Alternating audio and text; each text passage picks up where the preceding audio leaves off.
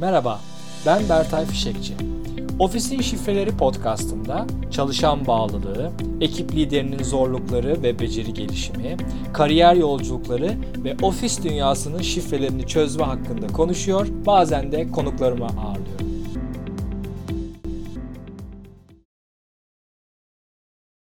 Merhaba, Bugün kariyerinizi geliştirecek 3 harfli bir sırdan bahsetmek istiyorum. Sır deyince biraz kulağa gizemli geliyor, doğru mu? Aslında bu kısaltma benim büyük şirketlerde çalıştığım e, dönemde söylenmeyen, yazılı olmayan bir kural olarak bana anlatılmıştı. Bunu sizlerle paylaşmak istiyorum bugün. Bu üç harfli kısaltmadaki prensipleri veya yaklaşımları kendi hayatınıza geçirirseniz veya düşünmeye başlarsanız, bu konuda yatırım yapmaya başlarsanız kariyerinizin ilerlemesiyle ilgili bazı olumlu adımlar atmış olabilirsiniz. Hemen başlayalım. Birinci harfimiz P yani performance, performans. Öncelikle kariyerinizin ilerlemesi için iyi bir performans göstermeniz gerekiyor. Bu birçok şirkette var. Yıllık hedeflerimiz var. Rakamlara göre çalışıyoruz. Satış veya daha rakamlandırılabilecek hedefleri olan çalışanlarımız var. Bunlarda bu hedefleri aşmak ilk görüntü olarak en önemli kriterlerden bir tanesi. Ee, eğer rakamla açıklanamayacak bazı hedefleriniz varsa da özellikle iyi iş çıkardığınızı görmeniz, iyi iş çıkarmanız tabii ki daha sonra da müdürünüzü ve bu konuda etkisi olan insanları iyi iş çıkardığınızla ilgili bilgilendirmeniz, onların görmesini sağlamanız son derece değerli.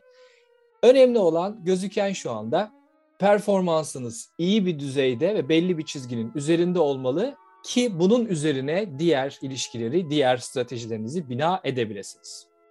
İkinci harfe geldiğimiz zaman I yani image. Bunu da ben Türkçe'ye algı olarak çevirmek istedim. Algınız çok değerli, çok önemli. Neden? Siz ne yaparsanız yapın aslında e, algınız sizin görüntünüzü ilerletiyor. Görüntünüzü ortaya çıkarıyor şirket içerisinde bir şeyi çok iyi yapmış olabilirsiniz, çok başarılı olmuş olabilirsiniz. Fakat bunu kimse bilmiyorsa veya bunun oluşmuş olan algısı size hizmet etmiyorsa aslında burada istediğiniz potansiyeli gösterememiş ve doğru kişilerin sizi doğru şekilde görememiş olması gibi bir sıkıntıyla karşı karşıya kalabiliyorsunuz. O yüzden aslında bu doğal olarak gelişen bir şey. Hepimizin bir algısı var. Hepimizin her davranışı aslında bir algı oluşturuyor. Bununla ilgili çoğunlukla fazla düşünmüyoruz. Burada benim önerim algıyla ilgili ve algı yönetimiyle ilgili düşünmeye başlamanız. Örnek veriyorum bir projeyi güzel bir şekilde bitirdiniz, müşteriyle de başarı kazandınız, belli bir hikayeniz ortaya çıktı. Bunu kimlerin bilmesini istersiniz? Bunu peki nasıl ortaya koyabilirsiniz? Çok e, ben bu işi çok iyi becerdim, harikulade yaptım gibi çok böyle övünme tadı olmadan gerçekten mantıklı bir şekilde ve diğer insanların da faydalanmasını sağlayacak şekilde bu hikayenizi tüm firmayla nasıl paylaşabilirsiniz? Ne gibi yollar deneyebilirsiniz? Müdürünüz de bunun e, yönetimini, algı yönetimini nasıl yapabilirsiniz?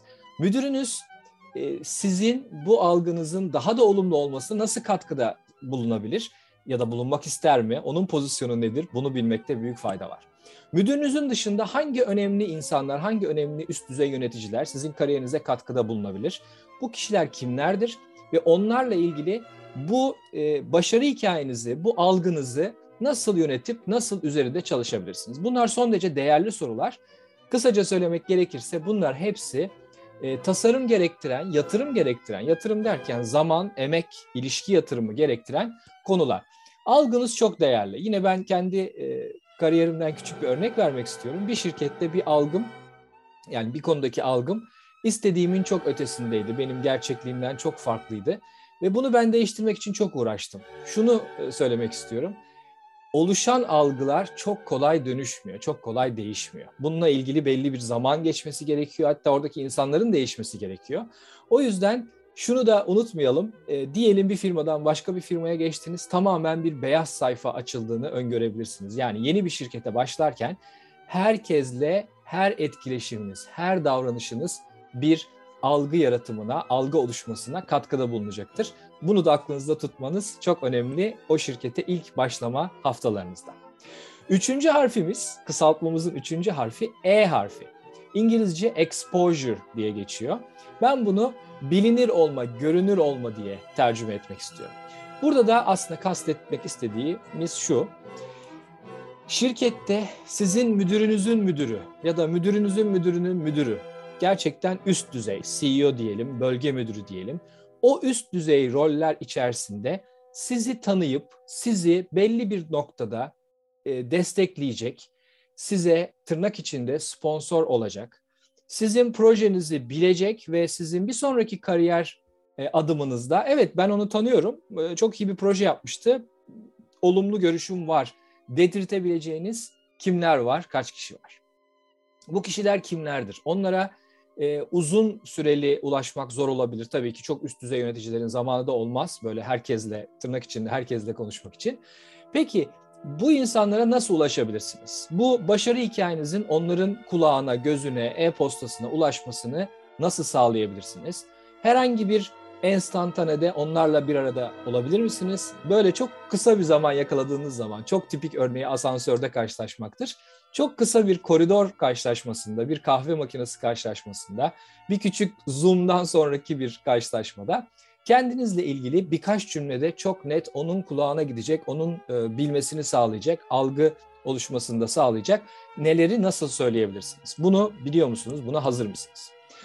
Bu insanlar aslında e, tarıyorlar bütün organizasyonu tabii ki. Kimlerin yükselebileceğiyle ilgili kendi radarlarında kendi ilişkilerini kuruyorlar. Aynı zamanda onlara bir mentörlük talebiyle de gidebilirsiniz. Müdürünüzle de anlaşabilirsiniz. Müdürünüzün müdürü veya onun yatayındaki seviyede üst düzey yöneticilerden birinden mentörlük isteyebilirsiniz ve e, kendi iş deneyiminizi arttırmak için bunu da e, ortaya koyabilirsiniz. Hem mentörlükten çok fayda sağlarsınız hem de görünür olursunuz. Yani exposure dediğimiz görünürlük, bilinirliği arttırmış olur.